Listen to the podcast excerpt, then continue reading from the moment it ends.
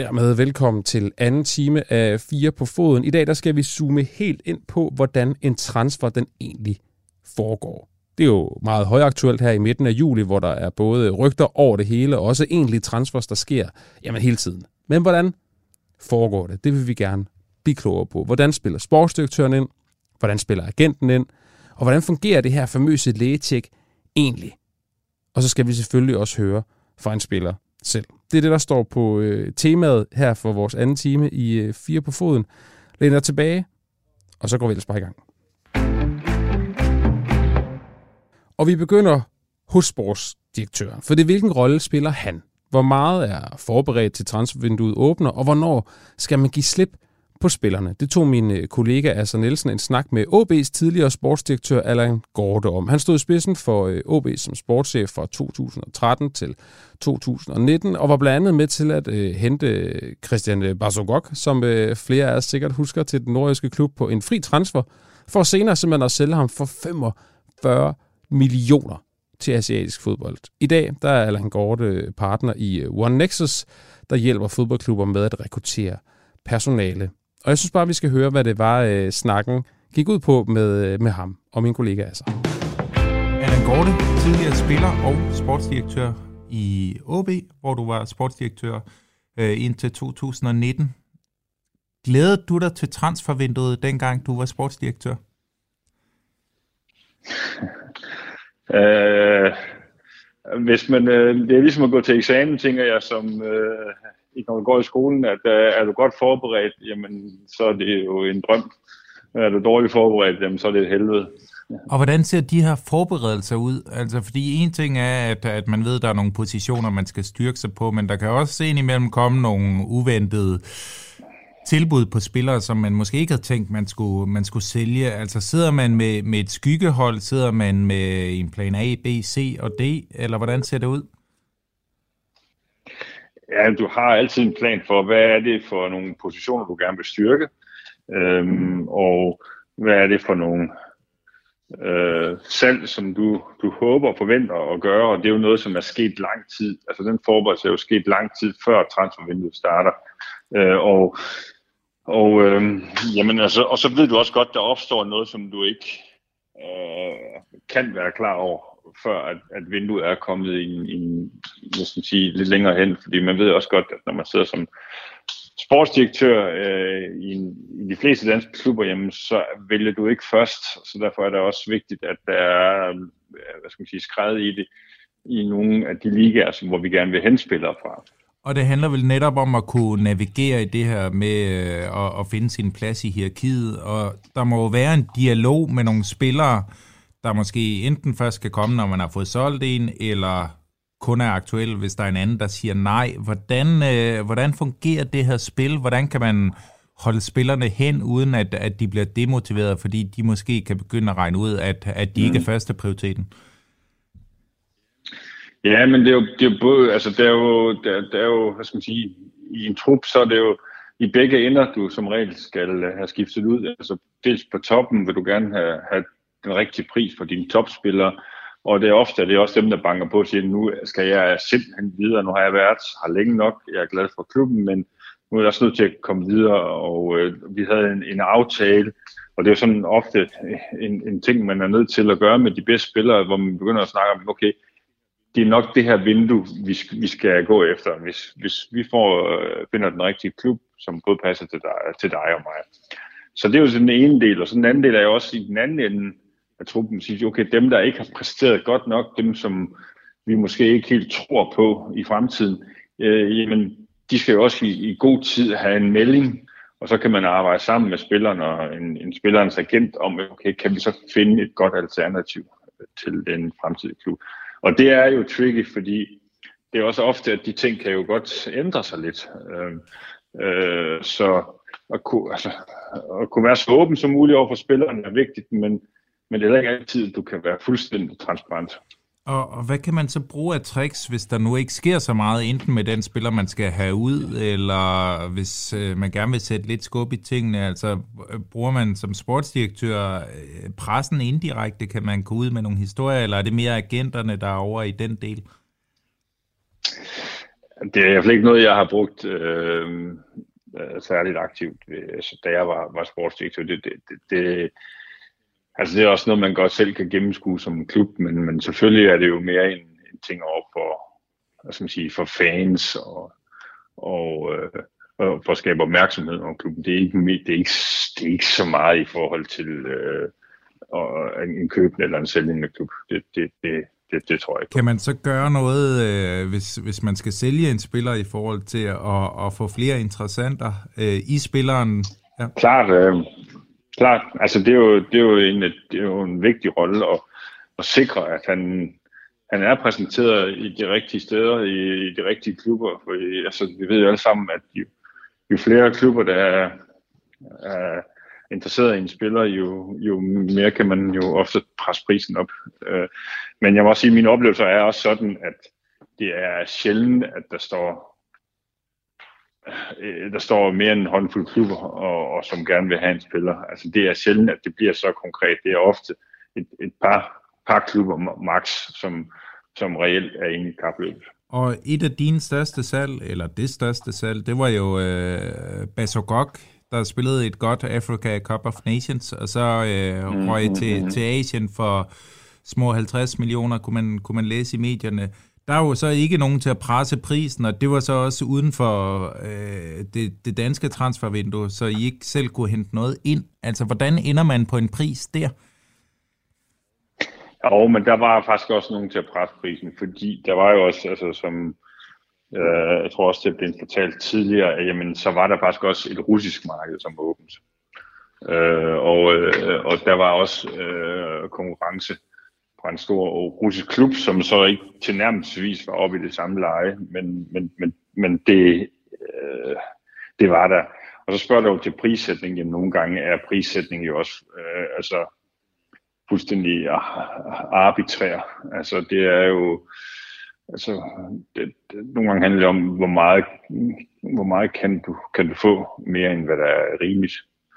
Øhm, øhm, så det er, det, altså prissætning er, er, er ude på mange parametre, men der er ingen tvivl om, at for eksempel Basogok vil vi aldrig nogensinde have fået så, så, så stor en pris på, hvis ikke han har spillet fantastisk og blev kåret til turneringsspiller i African Nations Cup. Og så andre gange har I, har I kunne hente spillere ind, dengang du var i OB til, ja, ingen transfersum, øh, stort set, fordi de var øh, gratis, blandt andet Lukas Balvis. Øh, sådan en spiller som ham, der, der kommer ind for, for ingen penge og bliver solgt for mange penge, er det, er det en, man har kendt til lang tid, eller tigger der hele tiden mails ind i løbet af sådan et transfervindue med, med nye øh, tilbud om spillere, og hvordan sorterer man i det?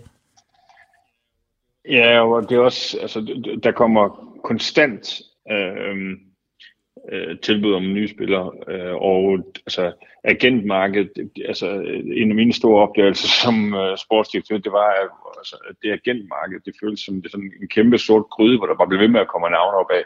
Og uanset hvor mange år du har, har, har siddet som sportsdirektør, nu nåede jeg at sidde der 6,5 år, og der kommer stadigvæk navne, og det gør det også den dag i dag, hvor jeg så sidder i One Nexus og arbejder, at der kommer stadigvæk agenter, som kontakter mig, og tænker, at nu er jeg sportsdirektør i OB med, og de kommer med tilbyder og spiller.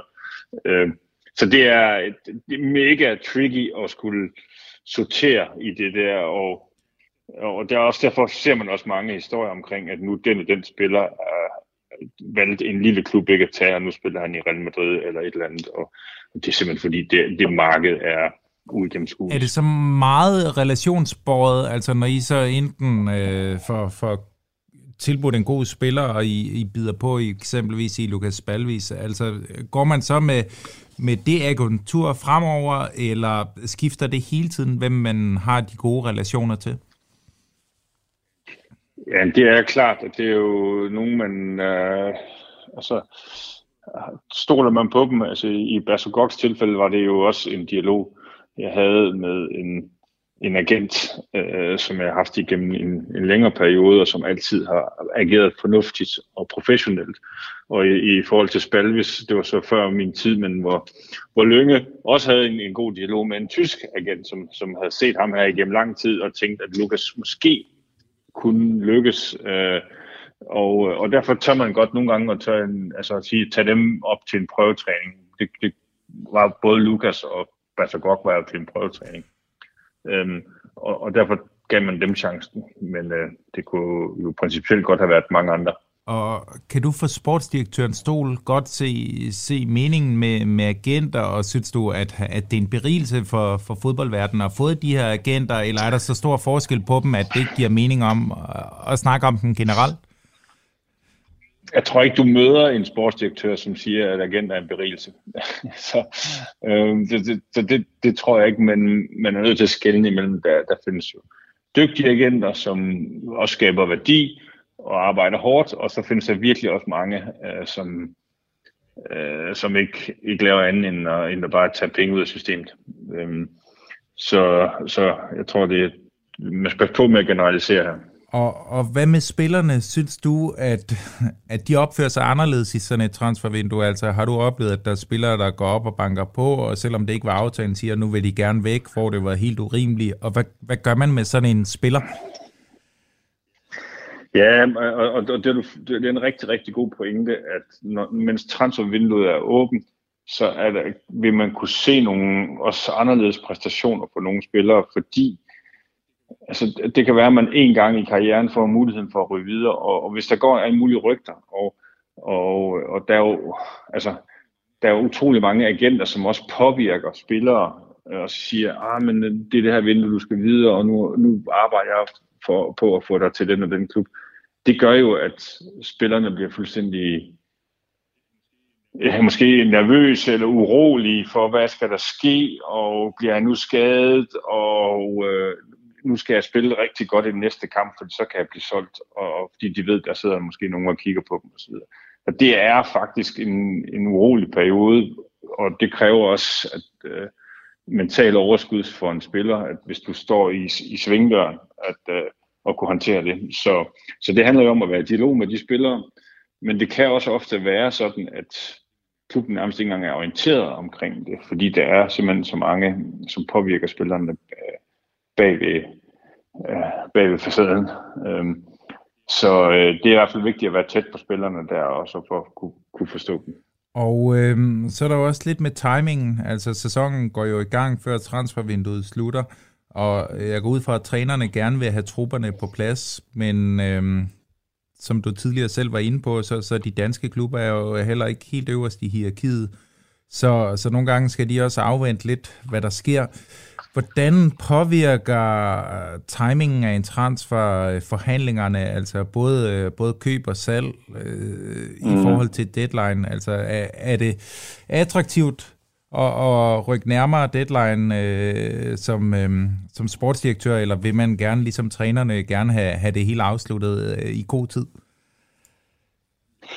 Jamen, det kræver i hvert fald i første og fremmest en rigtig, rigtig god dialog med din cheftræner, så han også kan forstå øh, mekanismer, og man også er enige om, at okay på her, det kan godt være, at vi ikke har holdet på plads, når vi starter, når vi er de første tre runder i sæsonen, men på den lange, på den lange bane, så er det, kan det altså godt give mening, at vi venter lidt. Øhm, og øhm, altså, altså, det, øh, altså det er altid en afvejning, fordi du ved ikke, hvad du får. Øhm, men vi ved også godt af, af erfaring, at når Tyskland, Holland, Belgien, øh, Frankrig, øh, de der lande, øh, de er gået i gang med deres turneringer, så er det først på det tidspunkt, at der er nogle spillere, som ved, at oh, nu er vi faktisk i overskud. Vi troede og vi håbede på, at vores klub satsede på os, men nu kan vi se, at vi er faktisk ikke engang i nærheden af truppen. Og de signaler gør jo, at der er nogle spillere, som siger, okay, nu skal jeg simpelthen væk, øh, og klubben øh, presser dem nærmest ud. Og der, der kan man blive attraktiv for, for, for de danske klubber, øh, og, og den viden vil du ikke have haft tidligt i transfervinduet. Så det kræver lidt, du har is i maven, fordi der kan ofte komme et ydre pres, og så sige, okay, øh, hvorfor har I ikke det her ting på plads? Og, så og hvad så omvendt, når du skal sælge en spiller? Altså er det så en fordel at, at vente til allersidst, fordi du tænker, at nu, nu skal den klub nå at fat i ham inden deadline, så vi kan godt øh, være lidt ekstra hårde i forhandlingerne, hvis man for eksempel forhandler på deadline day? Nej, altså det ved jeg ikke. Altså, det, altså, det, det tror jeg, det afhænger af, hvem du er. Altså, jeg, jeg tror overhovedet ikke på den der, og det må jeg sige. Øhm, Altså, den, den, den, den, øh, den, den tror jeg simpelthen ikke på. Øh, øh, fordi at jeg, jeg tænker, at, øh, at, øh, at det, altså, altså jeg, jeg, jeg synes næsten, det bliver for useriøst at skulle agere øh, på deadline dag, så fordi altså, der er så meget, der kan gå galt, der er så meget papirarbejde, der er alle mulige ting, som kan gå galt, og hvis ikke at det er på plads inden den sidste dag, jamen, øh, så synes jeg ikke, det virker sindssygt professionelt. Det var godt at høre. Mange tak, fordi du gad gøre os klogere på, på transfervinduet for sportsdirektørens perspektiv. Du er meget velkommen. Og fra sportsdirektøren, så hopper vi direkte videre til agenten. Altså ham, der skal sørge for, at en spiller kommer videre, får de rigtige tilbud, og i sidste ende får et skifte til at ske, så spilleren er så glad som muligt. For at blive klogere på det, så tog jeg en øh, snak med Mads Bak Lund fra øh, Premium Agents, der blandt andet er agent for Rasmus Falk. Og så kan jeg byde velkommen til øh, dig, Mads Bak Lund. Du er øh, som sagt øh, agent. Øh, Mads, kan du lige prøve at fortælle, hvor du er det henne? Jo, det er jeg øh, egentlig i Danmark, og for, øh, jeg er et, øh, i et firma sammen med øh, to andre, øh, hvor vi repræsenterer omkring 35 spillere øh, i Danmark og udlandet. Så øh, det, er, det er egentlig ret simpelt. Og vil du ikke lige prøve at fortælle, hvilke spillere det er, du blandt andet øh, repræsenterer? Du vil ikke tage dem alle sammen selvfølgelig, men bare, bare nogle af dem. Ja, men altså de mest kendte, det er vel uh, Jens Dage, der lige blev solgt til Werder Bremen, Michael Ure, der blev solgt til USA, Uh, sidste vindue, Rasmus Falk, som alle kender, tror jeg. Uh, ja, det er, det, det, er sådan, det er sådan den kategori af de etablerede spillere, så har vi nogle lidt yngre, uh, som er nogle forskellige steder. Uh, men um, det, det, er sådan, det er sådan det lag her, vi ligger i, vil jeg sige. Og jeg tænker, Mads, vi kan, vi kan måske eventuelt tage udgangspunkt i Jens Dage-salget, øh, for, set fra din agentstol af, øh, i forhold til, hvordan hvordan det fungerer, og, og hvad det er, man gør, og hvad det er, du gør, og så videre. Øhm, men men inden, inden vi gør det, så kunne jeg egentlig godt tænke mig at høre, hvordan er det, altså når transfervinduet, som, som nu er åbent, det er det jo så også i, også i januar, men nu, nu er vi selvfølgelig i sommertransfervinduet, øh, som agent, er det noget, du glæder dig til, eller, eller hvordan er det? Jeg glæder mig helt vildt. Uh, jeg vil sige, at den dag, jeg ikke glæder mig til det længere, så skal jeg finde noget andet at lave. Fordi det er klart, at, at det, det udgør jo en, en, en relativt stor del af vores, uh, af vores uh, arbejde. Uh, så uh, hver, uh, hver sommer, når sæsonen går på held, og det samme i, uh, i efteråret, når vi rammer det der november-december, så, uh, så, så lyser jeg op, og så, uh, så går jeg i, uh, i, uh, i, i, i work mode. Um, og uh, ja, og så er det klart, at der ligger en hel masse forberedelse forud for det. Det er jo ikke noget med, at vi bare uh, arbejder tre måneder om året, og så kører vi ni måneder til siesta. Vi, um, vi, uh, vi, vi forbereder tingene så godt som muligt, og, og så er det egentlig bare i vinduerne, at uh, tingene kan eksekveres. Uh, men jeg glæder mig helt vildt. Jeg kunne forestille mig, at det måske også er nogle perioder, hvor man trækker lidt ekstra på ens nærmeste og så videre. Altså, for jeg gætter på, at du har, du har sindssygt travlt. Ja, altså øh, min kæreste, som jeg har været sammen med i, øh, i snart øh, seks år, øh, hun er heldigvis meget forstående.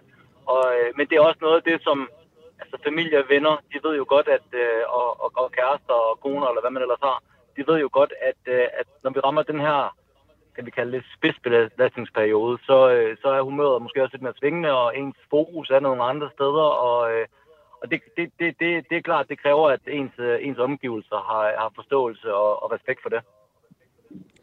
Sådan rent travlhedsmæssigt, altså jeg, jeg gætter på, at den sidste dag i hvert fald kan blive ekstremt travl. Øh, men, men er det ellers sådan spredt rimelig godt ud på de, lad os bare tage sommervinduet som, som eksempel, på de to måneder, eller er der nogle koncentrationer nogle steder? Nej, altså det er egentlig meget tilfældigt. Jeg har haft nogle, øh, jeg har haft nogle deadline days, der har været fuldstændig vanvittige, hvor at, øh, man egentlig bare har siddet ved en, øh, ved en scanner øh, øh, i, i mange timer, fordi at der måske skulle laves to eller tre eller fire, øh, fire handler på den dag. Øhm, og så har jeg også haft nogle deadline days, hvor jeg øh, egentlig har haft en, øh, en mulighed for at være mere fleksibel, øh, hvor at øh, øh, man måske kaster en hel masse bolde op i luften for at prøve et eller andet mærkeligt, fordi der er en hel masse mennesker, der, øh, der er desperate, eller nogen, der skal bruge hjælp, eller hvad det kan være. Men jeg synes, det svinger helt vildt meget. Øh, jeg, jeg vil sige typisk af januar deadline day, så er den lidt mere, lidt mere voldsom end, end sommeren, fordi sommeren er bare en længere periode, vi har at, at handle i, hvor januar er ja. lidt mere komprimeret. Um, Ja, så der er mere pres på den sidste dag, fordi der, der er så kortere, meget kortere tid. Ja, og fordi at, at, at uh, januar, der, altså der, der er jo en, en, en preseason, som, som, som typisk starter i, uh, i starten af februar for mange danske klubber til uh, vedkommende. Og der, uh, og der, der, der venter man typisk gerne lidt længere, fordi at man først et eller andet sted starter op, ja, skal vi sige midt i januar, og så, uh, så skal man på noget træningslejr typisk i, uh, i starten af februar. Uh, og derfor så trækker klubberne det måske lidt længere. Uh, og der har vi haft mange. Vi havde faktisk for jeg tror, det er halvandet år siden, hvor det var ret åbent, at Malte Amundsen, der endte med at tage til New York, han, øh, han havde et tilbud fra AGF, øh, hvor Vejle AGF forhandlede til, til, til ja, faktisk til, uh, i, i, i absolut 11. time. Og der var det klokken 23 45, jeg tror, jeg sagde til Malte, at det kommer ikke til at ske. Uh, og så, Ej, okay. så, så må den jo blive. Og der er det jo sådan lidt forskelligt. Har man øh, en handel i gang, som, som, som ligesom, ja, altså, er ongoing lige indtil det, lige indtil det sidste, jamen så kan man sidde der og, øh, og, og prøve frem og tilbage i løbet af, af, af alle de vågne timer, du har på sidste dagen. Så, så det er meget forskelligt. Øhm, men typisk januar er, er den mest hektiske, synes jeg. Okay, men så, så vil jeg godt tage udgangspunkt i, i en stagehandlen til, øh, til Werder Bremen. Øhm, hvordan så forberedelserne ud til, at, at det lige pludselig kom til at ske? Øh, jamen, det gode ved at snakke om nogle cases, der er løst, er jo også, at der har været et, et, et, et forforløb, kan man sige, som har været yeah. relativt åbent og har været et, uh, som har været noget eksponeret. Og jeg tror ikke, at du er i tvivl om, eller andre er i tvivl om, at der var en hel masse snak om, om Jens Dage, han skulle sælges til Augsburg uh, tilbage faktisk i januar. og uh, det blev han som bekendt ikke. Men der var en, en helt øh, konkret og tydelig interesse, og det var også noget, der blev arbejdet på Øhm, og, og det skete som bekendt ikke. Øh, og så er det klart, at, at, at når man så lukker et transfervindue, hvor der har været nogle bud fra en klub og en liga, som spilleren, i det her tilfælde Jens, synes er interessant, så går man jo ind i et, øhm, i et, øh, et forår, hvor man så siger, man okay, det skete ikke. Du kan jo sætte dig ned og græde og blive fornærmet og sur og sparke boldene væk, eller du kan vil også prøve at fortsætte det, du har været rigtig god til at gøre indtil videre, fordi det har jo trods alt vist, at det har, øh, det har, født, øh, det har affødt noget interesse, som er, som er blevet konkret. Og så kan vi prøve at sætte et mål om, at hvis nu du gør det lige så godt eller bedre i, øh, i, i det forår, vi går ind i nu, så kan det jo være, at der også ligger nogle andre muligheder. Øh, og øh, det, det, det, som jeg tror mange ikke er klar over, det er jo, at i sådan et forløb her, som det, jeg omtaler i forhold til Jens øh, og det her januarvindue, øh, der har man jo også en dialog med, med, med, med Jens' arbejdsgiver, som er i København. Og, øh, og, og dem snakkede vi rigtig, rigtig meget med omkring situationen, og meldingen fra København var egentlig klar, at øh, han, han, han var egentlig ikke sig selv. Øh, og øh, det, de gerne ville, det var, at de ville gerne vinde det danske mesterskab. Så ville de også gerne, at hvis man lykkes med det, og Jens var en del af det, Jens' svar og så sige, jamen prøv her, så må dine agenter jo være så dygtige, at de kan komme med noget tilsvarende godt, eller måske endda noget bedre. Når vi kommer ind i næste vindue, så kan du fokusere her på at vinde det her øh, mesterskab, som vi skal vinde. Og så, øh, så tager vi en dialog op igen, når vi kommer ind i sommerens vindue. Øh, og vi havde ligesom også en dialog øh, tidligere med Werder Bremen, men på det tidspunkt spillede Werder Bremen i, øh, i anden Bundesliga. Og vidste ikke, om de rykkede op, eller om de skulle blive der. Og hvis de skulle blive i anden Bundesliga, så var det ikke aktuelt. Men hvis de rykkede op, så var der nogle muligheder øh, til, at det måske kunne blive aktuelt. Og den, øh, den mulighed, synes Jens også, øh, var tilpas spændende til at sige, jamen hvor du hvad, lad os, øh, lad os se, hvad der sker. Der er masser af fodboldklubber derude, og jeg, jeg føler mig overbevist om, at jeg kan fortsætte de gode takter. Og jeg tror også på, at vi kan vinde det danske mesterskab. Og øh, hvis det ligesom er det, der er meldingen på klubben, så må jeg også leve op til min kontrakt og være professionel og, øh, og gøre mit absolut bedste for, at vi, vi ligesom opnår det mål. Og så håbe på, at klubben lige så siger, hvis det rigtige bud kommer, at de i samråd med os indvilliger i, at øh, det er noget, der skal eksekveres på. Og øh, det, øh, det må man jo sige er gået rigtig godt, fordi det hele blev løst rigtig tidligt. Jens endte i en klub, som han faktisk, altså det kan godt lyde lidt, lidt, øh, det kan godt lyde lidt corny at sidde og sige nu, men, mm. da, men da Jens, der, der, vi, der vi for seks år siden, der, der sagde han fra dag et, tror jeg, at hans absolut største drøm, hvis han skulle ture en stort, det var at komme til en nordtysk klub i Tyskland, eller undskyld, i Bundesligaen, fordi han altid har, har, har set rigtig meget tysk fodbold, og fordi han altid har, har kunne lide måden, de spiller på, og øh, øh, sådan hele, hele det der leben, der er omkring tysk fodbold. Så det var jo, altså, det jo viser at være en fantastisk case, og vi har da også siddet og smilet lidt af, at, at, at Jens endte i en klub, han heller ville ende i i sidste ende. Øh, og på den måde var det jo held, held i uheld, at, øh, at, øh, at klubben de modsat sig skifte i januar. Hvordan, øh, hvordan spiller du ind i forhold til at holde gryden i kog i tysk fodbold øh, omkring Jens Dages navn? Altså har du kontakt til nogle af klubberne øh, i løbet af foråret, eller hvordan foregår det? Ja, altså det har vi jo. Altså, øh, Werder Bremen var at se Jens spille live nogle gange. Nogle, nogle gange.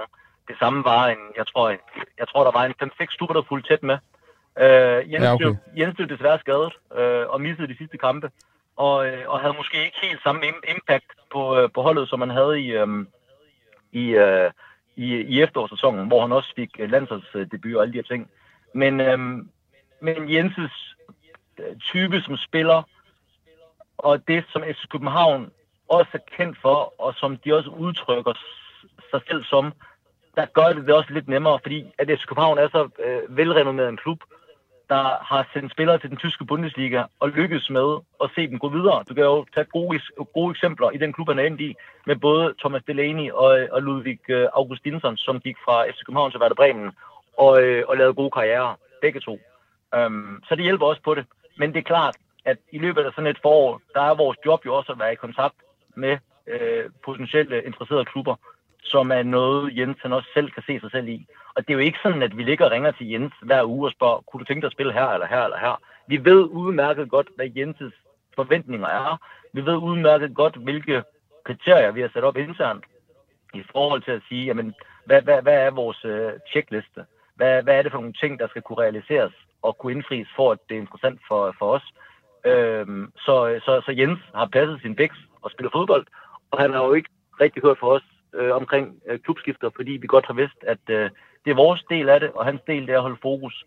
Øhm, så, så, så vi er ikke sådan, der ligger og ringer til spillerne øh, midt inde i sæsonen og, og spørger dem om 13.000 ting. Det er jo noget af det, vi, det er jo noget af det, man gør øh, tidligere i forløbet, fordi man kender hinanden, og man investerer i den relation, øh, som, som der er imellem hinanden. Ikke?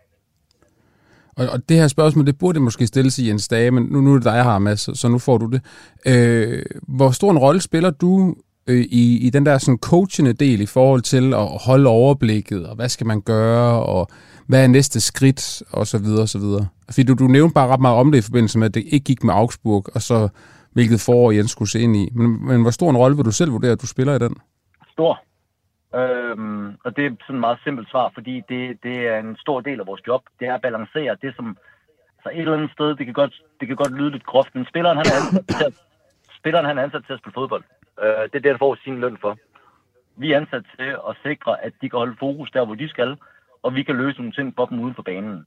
Så vores rolle i, at spilleren skal føle sig tryg i, at der sidder nogle mennesker, som et eller andet sted har hans karriere øh, i hænderne, jamen den, den, den, den, er, den er jo enorm. Øh, og hvis ikke at vi er dygtige nok, så, øh, så øh, bliver vi jo sidst ende fyret. Øh, det gør vi heldigvis ikke særlig ofte. Øh, så, så, så, men, men det er klart, det er en, øh, en rigtig vigtig del af det, at spilleren føler sig tryg i det bagland, han har, så han ikke skal gå og spekulere på, kommer jeg afsted, kommer det rigtige, gør det det godt nok, kommer de rigtige og ser mig spille, og alt det der. Så ja, den er stor.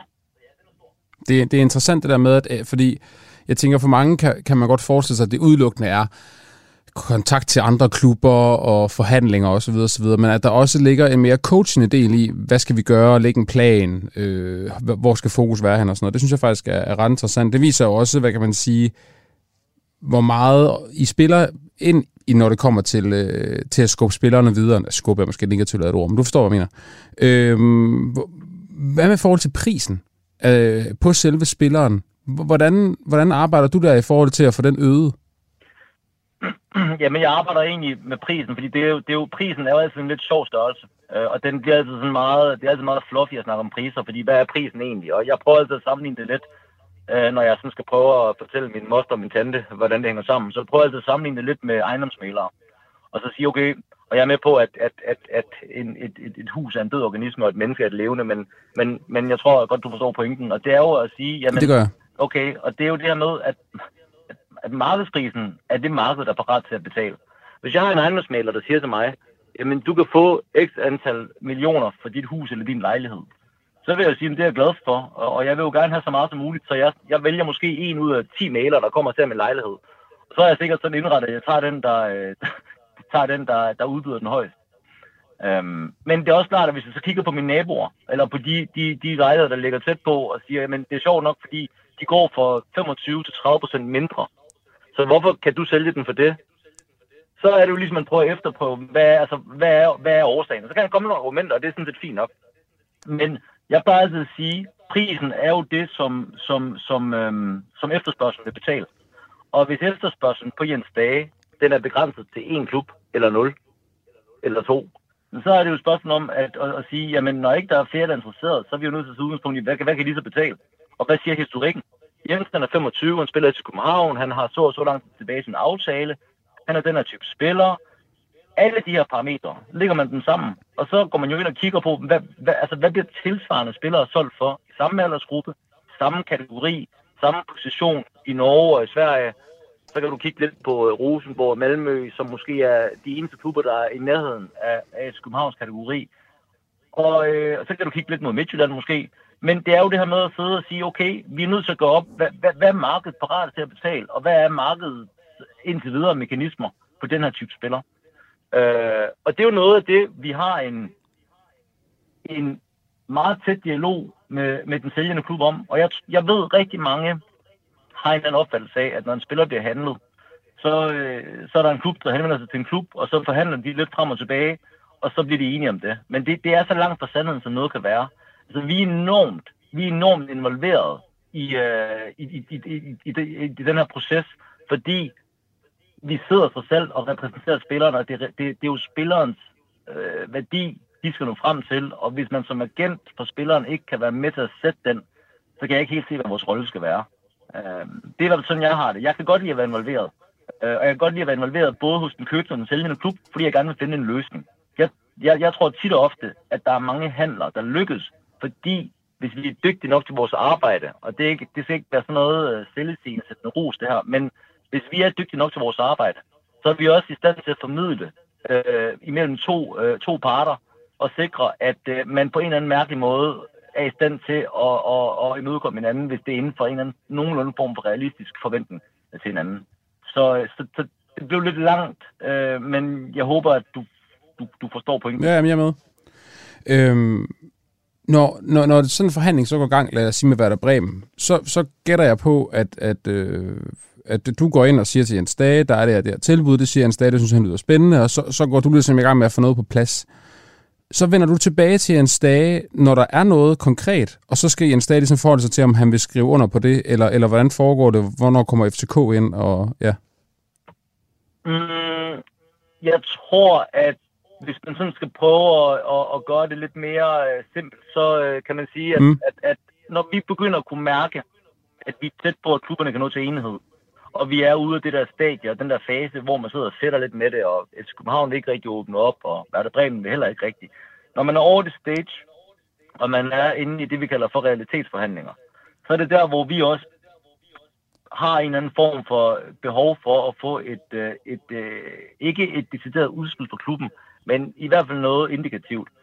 Der kan man så sige, at vi kender jo godt til lønningsniveauet i Werder Bremen og i den tyske Bundesliga for en spiller eller Jens vi har en fornemmelse af, hvor det er henne. Og der er det klart, at, at, at der skal man selvfølgelig sikre, at man er alignet med klubben. Og øh, det er egentlig der, hvor vi beder klubben om at sige, jamen prøv at høre her, I skal sende noget til os, som ligesom indikerer øh, det, det, det niveau, I ser Jens i. Og så kan vi altid øh, tage de sidste detaljer, når vi kommer i mål, forhåbentlig, men, men vi er nødt til lige at få et indikativt niveau. Øh, og, og så snart vi har det, så øh, behøver vi ikke engang stemme med Jens, fordi så ved vi, om det er inden for den rækkevidde, vi havde forventet eller ej. Fordi det har vi allerede klaret af. Øh, og hvis fodboldspillere skal gå og tænke på, hvad de er værd, og hvad de skal tjene, og hvad der er rimeligt, jamen så, så, så, så skal de bruge mange, mange tanker på det. Og det er jo også derfor, man har en agent, for at sikre, at man ender på et retvisende niveau i forhold til den, øh, til den rolle, du skal have. Og Jens blev hentet ind som en, som en nøglespiller, i det Derfor så skal han have det, en, en, en nøglespiller, han også tjener. Men Jens blev også handlet for et beløb, som FC København, de kan være øh, med til at sætte, fordi de har en lang aftale med, eller de har to år tilbage i Jensens kontrakt. Og så må Jens også acceptere, at når man, når man skal betales fri af en klub, jamen så, øh, så er det noget, der går fra sådan en samlet, en total pakke. Og det er derfor, at hvis man er rigtig dygtig og rigtig heldig, så skifter man på fri transfer i, i, i alle sine klubskifter i sin karriere. Men det, der er også bare en kæmpe risiko forbundet med det. Øhm, så, øh, så nej, Jens er, altså som udgangspunkt kommer Jens ikke ind i det her, før vi er, vi er omkring afrejsen. Så bliver den orienteret. Så er det klart, at han har ret til at sige, ved I hvad, gutter, den her saten regner med var noget øh, bedre, eller det skuffer mig helt vildt. Og så, øh, så, øh, så, så siger man jo nej tak, og, og, og tak for nu. Men, men, men vi ved nogenlunde, hvor vi ligger henne, og vi ved også nogenlunde, hvor, øh, hvor han skal ligge henne. Så det er egentlig først noget, han bliver sat ind i øh, relativt øh, sent i forløbet. Ja, det er interessant. Det er sgu meget sjovt. Mads, øh, det, det har virkelig været, været øh, et, fedt indblik, og det, det er fedt, at vi kan tale konkret om, om en handel. Det tror jeg gør det meget nemmere at forstå. Øhm, jeg tror bare, jeg vil sige held og lykke resten af transfervinduet. Jeg er spændt på at følge med, om nogle af dine andre spillere skal, skal videre. Og så er vi nået til øh, sidste del i vores øh, dækning af det her med transfers, nemlig selvfølgelig hesten selv, spilleren. Det er jo rent faktisk øh, dem, der er varen, der bliver kastet rundt mellem sportsdirektør, agenter og læger. Og øh, hvordan er det egentlig at være den her vare, og øh, hvordan foregår et øh, skifte? Det tog jeg en snak med øh, tidligere professionelle fodboldspiller og landsholdsspiller Mads Juncker. Og Mads, jeg skrev til dig, inden, øh, inden vi talte sammen, at øh, du må jo godt tage udgangspunkt i et specifikt skifte. Vi kan også godt tale generelt om det, men, øh, men jeg er sådan set egentlig bare spændt på at høre, øh, om der er et skifte, du, du tænker, der er ekstra relevant at tale om i forhold til at få en forståelse af, hvad vil det egentlig sige, at der bliver lavet en transfer med en? Ja, nu nåede jeg jo at skifte klub øh, en del gange, både internt i ja. Danmark, men også, øh, også i udlandet. Øh, altså, jeg kan, jeg kan jo tælle dem det mest kuriøse af dem, som jo egentlig handler om, at jeg blev solgt over en frokost, kunne jeg forstå, mellem min agent okay. og, øh, og en sportschef, hvor øh, min agent havde, øh, han, han skyldte en frokost på bagkant, kunne jeg forstå. Men øh, jeg tror både, da Morten Skovbo og jeg, vi skiftede til Roda øh, fra henholdsvis Vitesse, hvor jeg spillede i Holland, og Utrecht, hvor Morten spillede, der, der var vi ikke så høj kurs, må vi sige, på det tidspunkt. Vi havde ikke præsteret så godt. Øh, og vores meget ihærdige øh, agent Carsten Åbrink, han, øh, han gjorde, hvad han kunne i hvert fald for at få os lidt videre i, øh, i karrieren. Og øh, på bagkant kunne vi forstå, at han, han ja, i princippet havde solgt os øh, for en frokost nede i, i Cannes til, øh, til Roda Sportschef. Fordi han, han kendte ham godt, og det er jo sådan, det også foregår lidt. Agenterne har selvfølgelig et stort netværk i forhold til diverse sportschefer. Og øh, vi snakkede godt sammen og var ude på en båd i Cannes, og og Carsten foreslog, at han kunne få de her to danske topangriber, øh, hvor, hvor til Martin, som han hed vores målchef, rynkede lidt på næsen. Han sagde, det er dem, der ikke laver nogen mål. Ja, men altså, nu, jeg, jeg skulle da skulle en god frokost, Martin, men selv skulle lige tage fat i de her to. Øh, de kan godt noget. Altså, de, de kunne i hvert fald noget tidligere. Så nu, øh, nu synes jeg, du giver dem chancen, og så, øh, så er de også gratis næsten. Altså, så, øh, så kan du godt øh, give dem mulighed. Og, øh, og det er jo så, for vores vedkommende, er også for Martin, vores sportschef, ganske fint. Vi, vi havde et rigtig succesfuldt ophold i, uh, i Rota og kom begge to på landshold og så videre, Morten er altså. Så på den måde kan det også foregå.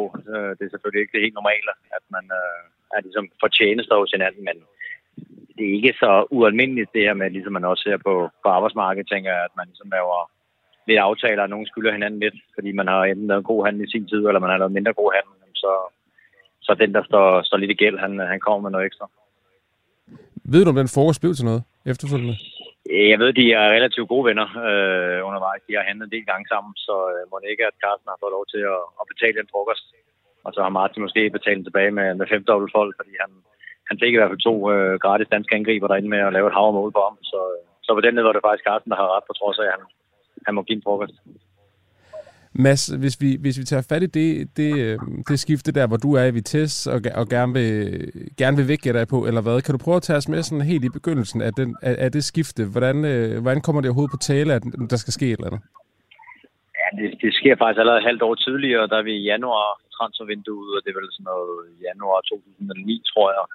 Øh, hvor jeg egentlig får at vide, at klubbens træner, han ikke øh, vil bruge mig, han synes, jeg er elendig, og det ene med andet, og han henter jo Lasse Nielsen, der siden kom til OB. Øh, så jeg var meget i overskud. Øh, og der får jeg egentlig at vide, tror den 30. januar, at han skal ikke bruge mere, så, så Carsten Aubring går meget i gang på cirka 24 timer med at finde en klub. Det bliver Utrecht, paradoxalt nok i øvrigt, hvor Morten også er. Øh, og han kommer den 31 til Carsten med en, en fin pakke, og Utrecht vil gerne betale lidt for at hente mig, og, og en, en, kontraktudkast til mig. Øh, og, og på de 24 timer har min træner så ombestemt sig åbenbart, så, så han vil ikke af med mig. Øh, og det måtte vi jo så tage til efterretning og møde op til, og jeg må møde op til træning 1. februar, hvor transfervinduet er lukket. Og så ellers øh, kæmpe mig igennem det næste halve år, hvor jeg ikke fik ret mange kampe. Og da vi så kom ind til sommervinduet, der, der var det ret åbenlyst, at, at efter tre et halvt år i klubben, der, øh, der ville de gerne have noget tilbage for deres investering. De har brugt rigtig mange penge på mig i sin tid i FC Nordsjælland, der var Superliga topscorer. Øh, og der var det jo sådan meget naturligt for begge parter, at, at når man ikke er fast mand, når man ikke har været dyr, jamen så, så kunne de måske nå at, at cut that losses en lille smule, og, og ende med at udleje mig et år til Roda med efterfølgende option på, at jeg kunne blive i klubben. Så de fik i hvert fald dækket noget af den løn, jeg fik, øh, og endte så med at, at lade mig gå transferfrit. Øh, så, så for dem var det ikke nogen ret god aftale. For Roda var en rigtig, rigtig fin aftale. Og ja, for en angriber, der lå i tom af topskolisten flere år i træk efterfølgende. Okay, men, men du, får, øh, du får simpelthen at vide, at, øh, at din træner, det er så lidt et uskyndt forløb, kan jeg fornemme, at du først er ude, og så ender, og så ude, og så ender, og så videre. Mm. Øh, hiver du så fat i, i, i Carsten Åbrink og siger, nu, nu skal der ske et eller andet, og så går han ellers bare i gang, eller, eller hvordan foregår det? Ja, og, og det er også et meget godt billede på, øh, hvad agenterne er der for, for spillerne. Altså, de, de får, øh, må man sige, utrolig meget øh, kritik og meget over agenterne i, øh, i fodboldens verden. Noget er berettet, Jamen, det gør noget ikke, er ikke så berettiget. Altså, fordi det, det er jo, altså, de varetager spillernes interesser. Øh, og for eksempel sådan en situation, hvor jeg så spiller, kan man sige, en, en case står og, og får at vide dagen før, at vinduet lukker, at, at, at min træner ikke vil bruge mig, og jeg kan fortsætte næste halvår på anden hold, hvis ikke jeg kan finde nyt sted. Øh, der er det jo rigtig rart at have en mand, der kan gå, gå, gå fuldstændig krig for en. Øh, og det gjorde Carsten i den grad. Øh, så, så han blev jo ligesom øh, pisket til på ja, 24 timer at finde en aftale øh, og, og presse alle sine kontakter på maven at finde ud af, at der var nogen, der ville have en overflødig angriber afsted. Øh, og i øvrigt også for han en, en, en ordentlig aftale på tre år øh, på plads øh, i Utrecht på det tidspunkt. Og det er jo så også hans lod, kan man sige, som agent, at det så falder fra hinanden øh, ja, et døgn senere, fordi øh, min træner har ombestemt sig.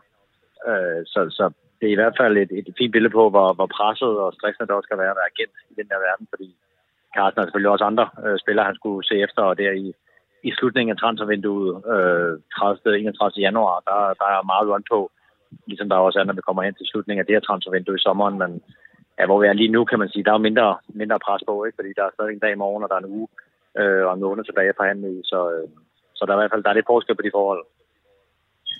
Når, når, når du så sætter øh, Karsten i gang, så begynder han jo så, som det var et meget godt eksempel, det her med en, øh, en tur ned i Canada, der bliver lovet en frokost og så videre. Det, det er jo ret sjovt, men, men hvornår kommer du så tilbage ind i det forløb? Hvor, altså, hvornår, hvornår skal du igen gøre noget aktivt? Ja, det skal jeg faktisk også, når jeg skriver under på en kontrakt. Øh, men Ja, okay. det var også øh, Carsten, der lavede min aftale, der, der jeg røg til Vitesse, og det var sådan det store skifte, kan man sige, fra Superligaen og til udlandet.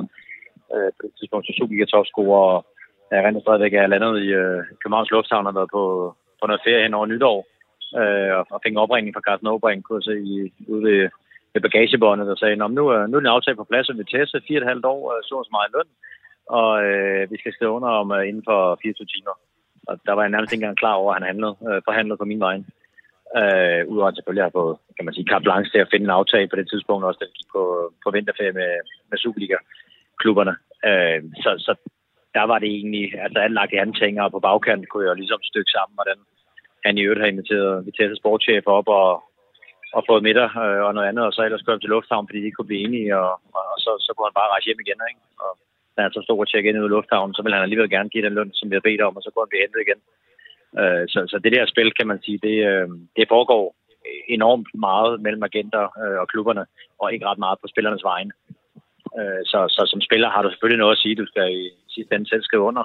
Øh, og du kan jo også angive ønsker for, for mit vedkommende, den der tilbage til, hvor det var, hvor Utrecht ligesom var i billedet, hvor jeg 30. januar for videre skal væk, jamen, der vil jeg gerne blive i Holland. Der har jeg været i tre år, snakket sproget, var integreret både i forhold til bil og pension, og der ved jeg, så det var meget rart at kunne blive hængende i landet. Øh, og det var så også det, jeg gav videre til ham og sige, jeg vil gerne skifte. Det har jeg fået at vide inden for 24 timer, og jeg vil gerne blive i Holland. Øh, så må du ligesom finde noget.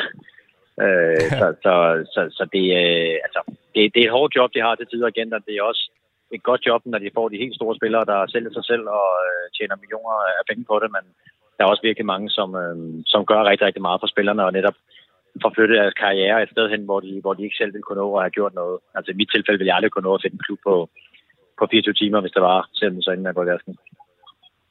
Nej, jeg tænker også netop, at deres netværk og så videre, og det, at de kan stå for alt det, der er imellem et tilbud eller en, eller en interesse til, til en kontraktskrivning er meget god. Men, men Mads, har, har du oplevet, at det har været mindre godt? Altså, at der har været bagdele ved, øh, ved en transfer, eller ved et muligt skifte, eller hvad det nu kan være? Nej, personen har ikke haft øh, så dårlig oplevelse Nej. med det, øh, vil jeg sige. Altså, jeg, jeg synes jo også dybest set, som spiller, man selv er ansvarlig for, hvad man skal under på. Øh, det er klart, at både i tilfælde og mange andre spillere, så er det ikke altid, at, at tingene øh, fungerer, som man alle sammen ønsker. Øh, og det alt sammen bliver et succes. Det, det kan man sjovt nok i alle 25 mand i en trup. Men, øh, men det her med, at man ligesom har sat sig ind i, hvad det er, man skriver under på. Altså hvis jeg skulle øh, til nogle af de lande, der øh, sådan, som regel er, er problemfyldte, altså Grækenland, Tyrkiet og andre steder, hvor man ikke altid får sin løn, så vil jeg nok have sat mig endnu mere ind i det, end jeg måske gjorde, da jeg skulle til Holland eller Belgien. Øh, fordi der var der nogle ting, så man kom derned. Der er noget omkring forskerordning, som er anderledes i de lande. Der er noget omkring sportspension i Belgien, som er anderledes. Og de ting satte jeg mig ind i på forhånd, for ligesom at vide, hvordan og hvorledes kan jeg ja, både tjene flest penge, fordi man kan sætte, sætte nogle penge til sportspensioner for udbetalt nummer 35 i Belgien. Jamen det, det gav jo fint mening at betale penge til det, i stedet for at få dem udbetalt med højere skatteprocent. Og så er der nogle ting undervejs, som, som man selv kan sætte sig ind i. Øh, men sådan rent transfermæssigt og fodboldmæssigt, der, der kan man jo komme ud for, at, at, at, at det ikke går, som, som man ønsker. Altså, igen, i mit tilfælde, da jeg kom til Vitesse, det var en træner, som rigtig gerne ville have mig, en klub, der gerne ville have mig. De slog deres egen transferrekord for at købe mig. 10 måneder senere sagde træneren op, fordi det gik, som det skulle. Og så fik jeg en ny træner, der absolut ikke synes, jeg var en succes. Øh, og købte sin egen øh, serbiske topangriber for Feyenoord for endnu flere penge end købte mig. Og så kunne jeg sidde og kugle ud på bænken i 2-3 år.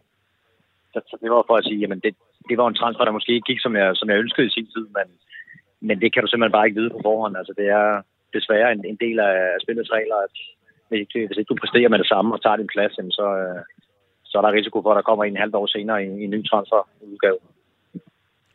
Og, og Mads, men jeg ved godt, det, det er jo forskelligt fra skifte til skifte, også fra klub til klub, hvordan man gør det, men, men hvornår i din skifte har du, har du så faktisk mødt klubben og sportsdirektøren og sådan noget. Fordi jeg synes bare, man, man hører om, det er måske meget med unge spillere, det ved jeg ikke, men man hører jo tit det her med, at så bliver de inviteret derned, og så kan de lige se, hvad det er for noget, og så videre, og så videre. Men, men hvornår, hvornår i din skifte har du sådan typisk ligesom, efter der har været en interesse, der er kommet en kontrakt, hvornår møder du den klub, du skal skrive under for? Ja, men i samtlige min tilfælde har jeg først mødt dem, efter jeg har skrevet under på kontrakten.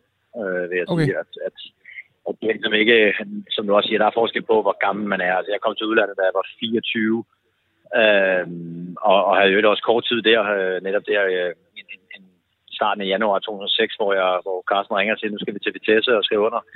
Øh, jeg tror, vi skrev under tirsdag, og jeg spiller først kamp lørdag øh, mod Ajax eller Feyenoord, er det vist. Så, så der havde jeg ligesom to-tre dage øh, til at beslutte mig øh, fra, fra weekenden til at skrive under, til jeg skulle flyve ned. Øh, og der må man så ligesom tage det, som det kommer. For mig var det specielt at komme ned til stadion med 25-30.000. Øh, en, en, en overdækket bane, der kunne køres ind og ud af banen og tage på, og hvad ved jeg. Og så et træningsanlæg, som var, ja, var værre end det, jeg havde i Humlebæk, da jeg voksede op. Øh, altså, der, der var godt nok forskel på de to ting. Og, og det ved man simpelthen ikke, før man kommer afsted. Jeg vil sige, er man yngre, øh, var det min søn på 15-17 år, der skulle ned til noget, så vil jeg gerne ned og se forholdene på hans vejen, for at vide, hvad det er, der møder en. Øh, også fordi man har andre ting på siden. Der er noget, hvor du skal bo hen privat. Øh, vi ved mange, stort set alle spillere, der kommer tidligt ud, de bor også hos øh, plejefamilier og så videre. Det, øh, det vil jeg i hvert fald sige som forældre selv, vil jeg gerne vide, hvor de, hvor de skulle være hen. Mm. Og det er lidt noget hvis du er, synes jeg, over 20, 21, 22 år. Så der er du forhåbentlig og formentlig flyttet hjemmefra. Øh, du måske lært at både lave mad og, og vaske tøj. Så, så den del bliver, bliver ikke lige så øh, overordnet, som hvis du er 15, 16, 17 år. Nej, det giver god mening, der er noget, der er noget forskel der. Mads, øh, hvad så med det her øh, lægetjek? Er det, øh, hvornår, er, er det det aller sidste, du gør, inden du skriver ja. under? Ja, det, det er faktisk det, man, øh, man gør. Man kan også godt, jeg rent jeg har skrevet under på en af kontrakterne, med et forbehold for lægetjek. Altså, at ah, okay. kunne man gå ud og, simpelthen fordi man gerne vil have det, man skal også have det blåstemplet hos øh, fodboldforbundet og advokater og så videre. De her aftager, det er lidt ligesom en, Øh, at købe et hus, og derfor minder i øvrigt, øh, kan man sige, agenterne også lidt om ejendomsmalere. Altså, de skal, de skal finde noget, der passer oh, nej. til den person. Ja, men, men når Det de er en forfærdelig sammenligning, Mads. i Vestjylland, nej, men det er egentlig meget god sammenligning, synes jeg, fordi det, Okay. det er det samme, som hvis du ringer til en og siger, at vi vil gerne have øh, tre værelser, 180 kvadratmeter og øh, to børneværelser, jamen, så må de finde de fire, der, der har den slags øh, på markedet, ikke? Ligesom her, at Jo, jo. hvis du gerne vil til et land, jamen, de skal bruge en angriber, der er højrebenet og kan spille tomandsangreb, jamen, så må det være sådan. Øh, men der kan man sige omkring lægetjekket, jamen der har jeg oplevet både, at man har, har ventet på det, og også man har taget forbehold for det på forhånd, og der primært sætter man så op på den her famøse kondicykel og får en 6-8 elektroder på både øh, hjerte og lunger, og skal så op og egentlig og, og igennem for at se ens lungekapacitet, og man, får en, man er forbi hospitalet og får taget nogle røntgenbilleder af knæ og ankler, og ja, får taget nogle øh, EKG, øh, hvis det er det, der hedder, i forhold til hjerte, øh, ting og rytmer og sådan nogle ting. Så, så man bliver ligesom tjekket i bogstaveligt talt i hovedrøv, øh, for at, at alting er, som det skal være. Og så øh, har klubben jo også ligesom sit på det tørre. Øh, og der er jo nogen, der nogle gange øh, ja, fejler de her lægetjek, hvis de netop har en hjertefejl, man finder, eller problemer med lungerne, eller ja, et, et, et, hvad ved jeg, et, der er nogen, der har oplevet en gang, der mangler det forreste korsbånd, som man har spillet med uden i fire år, ikke? og det vil en klub så ikke øh, løbe vand på. Øh, og det kan man egentlig også godt forstå, altså hvis, apropos øh, et, et lejlighedskøb, hvis man køber Ja. noget, hvor der er skimmelsvamp nede i kælderen, så kan det også være, at man overvejer at, at købe et andet sted. Mads, lige her til sidst, kan, kan du huske sådan første gang, du, øh, du kom i kontakt med en agent og den, og den del af fodbolden? Ja, jeg havde en aller, aller første har nok været Jakob Friis Hansen, den tidligere øh, landsholdsspiller også, som jo også var scout for Liverpool i mange år, men han, han hjalp mig med at skrive min allerførste kontrakt ud i Lyngby som 16-17-årig. Øh, og det er jo blevet meget almindeligt nu, kan man sige, at agenterne er ude øh, i en tidlig alder at se. Og dengang havde det junior yndling i fodbold, noget det var 16 og 17. Men at man er ude og scoute spillere der og, og sige, at okay, jeg var så topscorer på, på Lyngbys, hvad der svarer til 16 og 17 hold nu, og det var interessant nok, og han vil gerne ind Jakob og, og sige, at man kunne være min agent og hjælpe i første omgang med at få en, en aftale med Lyngby, og altså, tror jeg jo, at han gik nogle andre veje senere hen Jakob, men, men det var det var den aller, aller første øh, kontakt øh, på den måde, og jeg kan da også huske, at mine forældre synes, det var fint at, at have en, der kunne rådgive dem. Øh, jeg tror næsten, at Jakob fik noget for det. Øh, og da jeg skrev noget Brøndby et par år senere, var det min far, der var med inde og, og snakkede med Per Bjergård, og Per Bjergård mente, at min far var en større krejler øh, omkring tingene, end, end Jakob Friis har været. Så, så, så det var sådan lidt i det små, men, men den del har udviklet sig ekstremt meget her, og det er jo snart 25 år siden, faktisk, for det var Ja, det 97. Øh, hvor Men, det nu hvordan, er en industri, og hvordan er det, eller var det, kan du huske det, det der med, sådan, fordi det, op til det gætter jeg på, der har det jo primært bare handlet om at, at score nogle mål og, og, og Mm. komme til træning og så videre, så videre. Det, det er jo lige pludselig en helt anden del, der selvfølgelig også betyder meget om, og, øh, i fodbold, men jo ikke som sådan har noget med spillet at gøre. Hvordan var det at blive introduceret til den så ung også? Jeg synes, det var rigtig rart, faktisk, og det tror Mm. jeg også, mine forældre synes, det her med, at der er ligesom en tredje part, der, der varetager din interesse, det der med at sidde og forhandle selv direkte med en klub. Øh, også hvis det er det- den klub, vi slår igennem i. Øh, for mig var det Lyngby, altså skulle sidde og diskutere med vores, ja, både, både træner, men også direktør om, hvor meget jeg er værd. Det, det synes jeg ville være ret underligt og, og, og, og ret svært. Øh, det kan jeg mærke nu, kan man sige, en normal lønforhandling, øh, som man har på arbejdsmarkedet, den del er jo for mig lidt fremmed, fordi man normalt har haft en agent, der tog sig af det, og så meldte han tilbage, hvordan det gik, øh, eller om tingene var faldet på plads. Og så tog de ellers tæskene og diskussionerne og den dårlige stemning i rummet. Øh, så jeg synes, sådan set, det var rigtig rart at, at skulle holde mig ud af det her, og sige, at der er en, der står for at varetage det, jeg gerne vil have, og det, det er enige om, som at det giver mest mening. Og så kan man ringe, når det falder på plads, eller det kan falde på plads. Øhm, så, så den del synes jeg egentlig var, var meget fint, netop som at koncentrere sig om at, ja, at spille fodbold, både som helt ung, men også øh, senere hen i, i karrieren, og sige, at ja, har på, at han er ejendomsmaler, hvis du sætter han har en lejlighed til salg, så må du antage, at han har styr på markedet, og han kan finde øh, potentielle kunder, der vil købe den lejlighed, og så melder han nok tilbage, hvis det interesserer dig. Mads Junker, prøv at, tusind tak, fordi du gad at, at sætte os ind i, øh, i flere af dine skifte i, i din karriere, og gøre os lidt klogere på, hvad der, er, der øh, foregår. Selvom det er noget tid siden, så er det nok der hen af også, det der foregår øh, nu her i, i sommerens transfervindue. Tak for det, Mads Junker, og Selv god tak. ferie. Jo, tak. Hej.